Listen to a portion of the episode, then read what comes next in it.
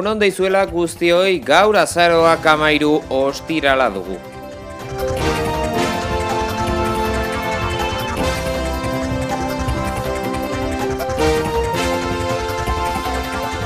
Ungaria, Eslovakia, Eskozia eta Ipar Macedonia Eurokopan egongo dira. Partida eroak izan genituen biluzapen, azken minutuetan golugari eta penalti saioa Belgradon han Eskoziak hogeita bost urtean lehen aldiz zailka penal lortu zuen. Macedoniarrentzat aldiz lehen Eurokopa izango da. Besta desaskibaloian, Baskoniak porrota Moskun, uh, Txeskaren aurka eta tenisean, Manarino, Siner, Pospisiletak asket zailkatu ziren Sofiako ATP berreun eta berrogeta marreko finaldietarako.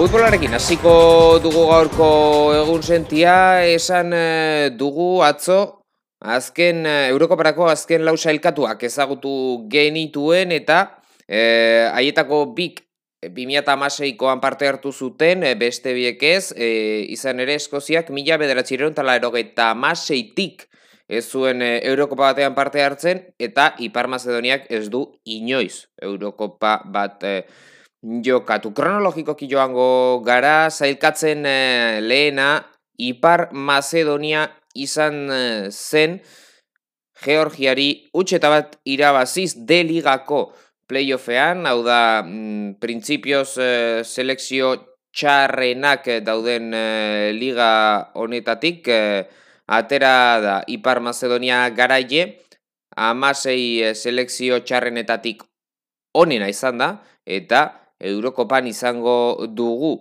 Goran Pandefek, hogeita amazazpi urteko Goran Pandefek lortu zuen partidako gol bakarra, eta negarrez ikusi genuen Inter Milaneko jokalari oia, e, Champions Liga irabazi zuela gogoratu, eta atzo negarrez ikusi genuen bere herrialdea mm, Eurokoparako sailkatu ondoren.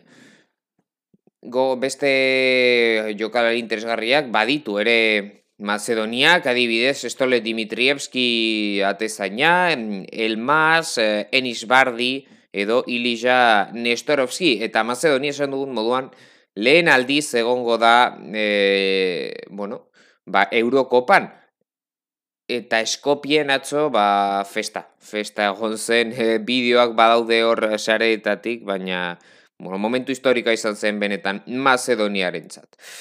Zailkatzen bigarrena, Ungaria izan zen eh, partidak eh, aldi berean hasi ziren beste irurak, baina larogeita amar minutu, bueno, larogeita amar minututan ez, larogeita amaika garrenean lortu baitzuen eh, gol erabaki horra Dominik Sobozlaik.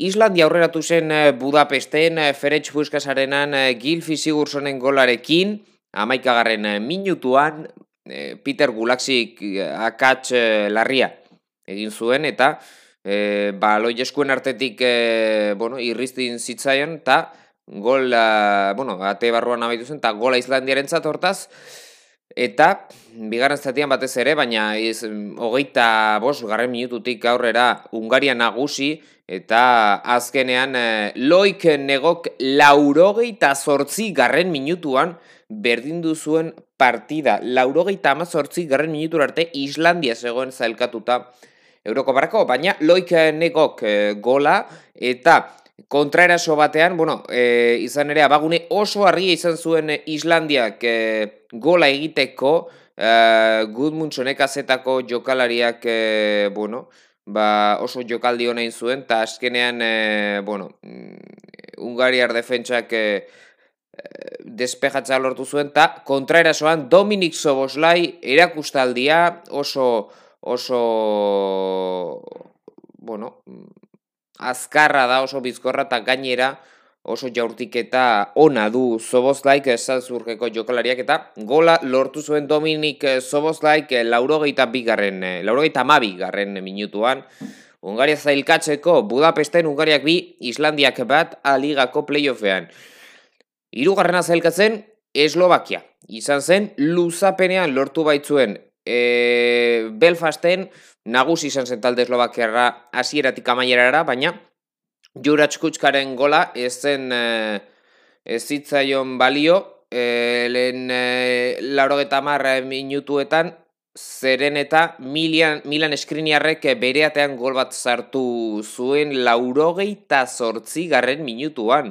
Ere, beste partean ikusi dugun minutu berberen, laurogeita zortzi garren minutuan e, Ipar Irlandak berdinketa lortu zuen, baina e, luzapenean Eslovakia berriz ere nagusi eta Michal Durisek egin zuen eundamar garren minutuan bat eta bikoa.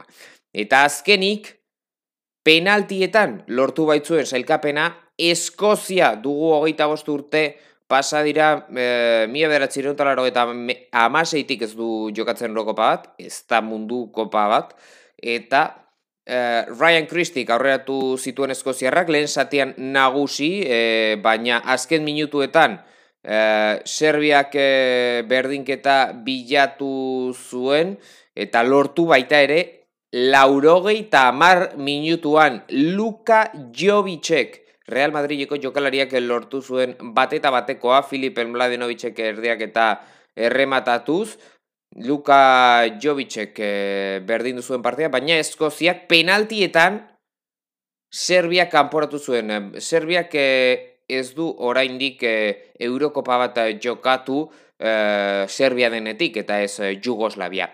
Le Griffithek barrura, Du Santadicek baita Callum McGregorrek barrura, Luka Jovicek ere McTominayk gola, Gudelik gola, McBurnik gola, Kataik alabeseko jokarlarioiak baita eta Kenny McLeanek eh, lau eta postekoa sartu zuen, Aleksandar Mitrovicek penalti erabaki horra kale, eta Eskoziak, eh, bueno, ba, Eurokoparako txartela lortu zuen. Hortaz, azken zailkatuak, Ungaria, Eslovakia, Eskozia eta Ipar Macedonia izan eh, dira.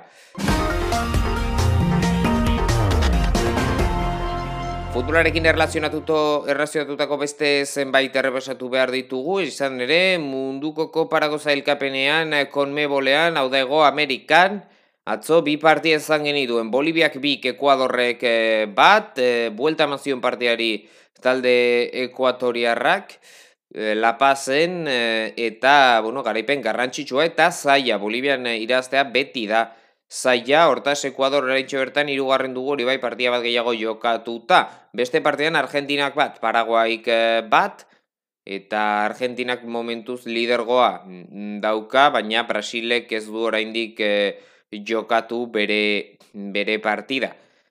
Izan ere, gaur jokatuko du. Bederatzi terditan, Kolombia, Uruguai, gaueko amabietan, hau da, gau erdian, Chile, Peru, eta ordu bat terdian, Brasil, eta Venezuela izango dira.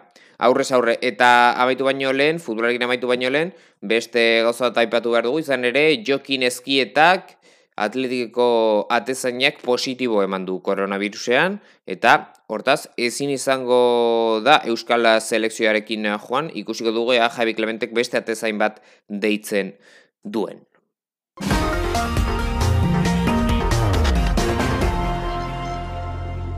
Saskibaloiaren zako txanda orain egun sentian atxo, Baskoniak porrota jaso zuen Euroligan eh, Moskun txeskaren aurka oso kantsa zaila da e, txeskaren eta gutxigatik baina porrota jaso zuen eh, talde arabarrak, laurogeita bederatzi eta laurogeita sei. Beste partiak izan genituen baita ere Euroligan, Olimpiakosek e, irurogeita ma bost alba berlinek irurogeita maika, Makabi Tel Avivek laurogeita bost, Zalgiris kaunasek ba, berrogeita amazazbi eta hau bai, uh, izugarria fener batzek uh, jaso zuen jipoia Bartzelonan. Bartzelonak laurogeita amazazpi, fener batzek berrogeita amabost. Berrogeita bi puntuko diferentzia eta Bartzelona izan ere da e, ba, Euroliga irabazteko favoritoetako bat. Gaur partida gehiago ditugu Euroligan. Kimki Mosku Olimpia Milano atzeratu izan da koronavirusen gatik, baina zazpietan izargorria Real Madrid, sortzietan Panatinaiko Sanadolu Efes, sortzi terdietan Bayern Munich Baia Valencia, eta bederatziak laurden gutxitan Asbel Lyon, Billy Urban, Zenit eh, San Petersburgo, eta beste beste txapelketa batzuei dagokienez, e, gaur Eurokopako partiatzeratua jokatuko du Herbale Gran Canariak, bederatzietan, Dolomiti Energia Trentinoren aurka eta atzo aipatu behar dugu ACB-ko bipartia jogatu zirela, San Pablo Burgosek laurogeita bederatzi ukan murtiak laurogeita lau eta Baxi Manresak laurogei, Iberostar Tenerifek laurogei tazortzi. Eta teniserako tartea orain egun sentian, izan ere, Sofiako ATP berreunta berrogeta marra aurrera doa, eta atzo final laurdenak jokatu ziren, gaur final erdiak izango ditugu. Manarino kalbot eh, kanporatu zuen, e, sei eta bi, bat eta sei eta sei eta iru irabazita, zinerrek deminaur e, kanporatu zuen, sei eta zazpi, sei eta lau, sei eta bat, Basek pospizilek e, milmani irabazi zion, kasu honetan bizetetan, zi eta iruzi eta bi, eta Richard Gasketek karuso kanporatu zuen zazpi eta sei eta zazpi eta bost. Eta hortaz, gaur finalerdiak izango ditugu, ordu bietan, Manarino Siner eta bostetan pospizil Richard Gasket. Eta ipatu beharra dago, azteko azken egun zente izan ez, ba, e, igandean hasiko dela e, Masters Finalsak izan dezakegu, non e, demoraldiko e, sortzi, sortzi tenista honenak jokatuko dute, eta e, Tim Txitsipas eta Nadal Rublev izango ditugu lehen egun horretan izan duen moduan, domekan igandean tenisean. Eta amaitzeko motorraren munduko bi albiste edo bi, bi gertakizun aipatu behar ditugu. Asteburu honetan bat formulan eh, izango dugu lasterketa Turkian, Turkiako sari nagusia, Istanbul parken, ez dute han eh, lasterketa egiten 2008 urtetik, eta, bueno, denboraldia amaitzeko lau besterik ez dira faltan, eta motorretan, MotoGPen, Aldiz, e, azken aurrekoa dugu denboraldi honetan, Valentzian egingo dutena, Ricardo Tormo zirkuitoen eta Joan Mirrek lehen aukera du e, ba, munduko txapelketa, MotoGP-ko txapelketa.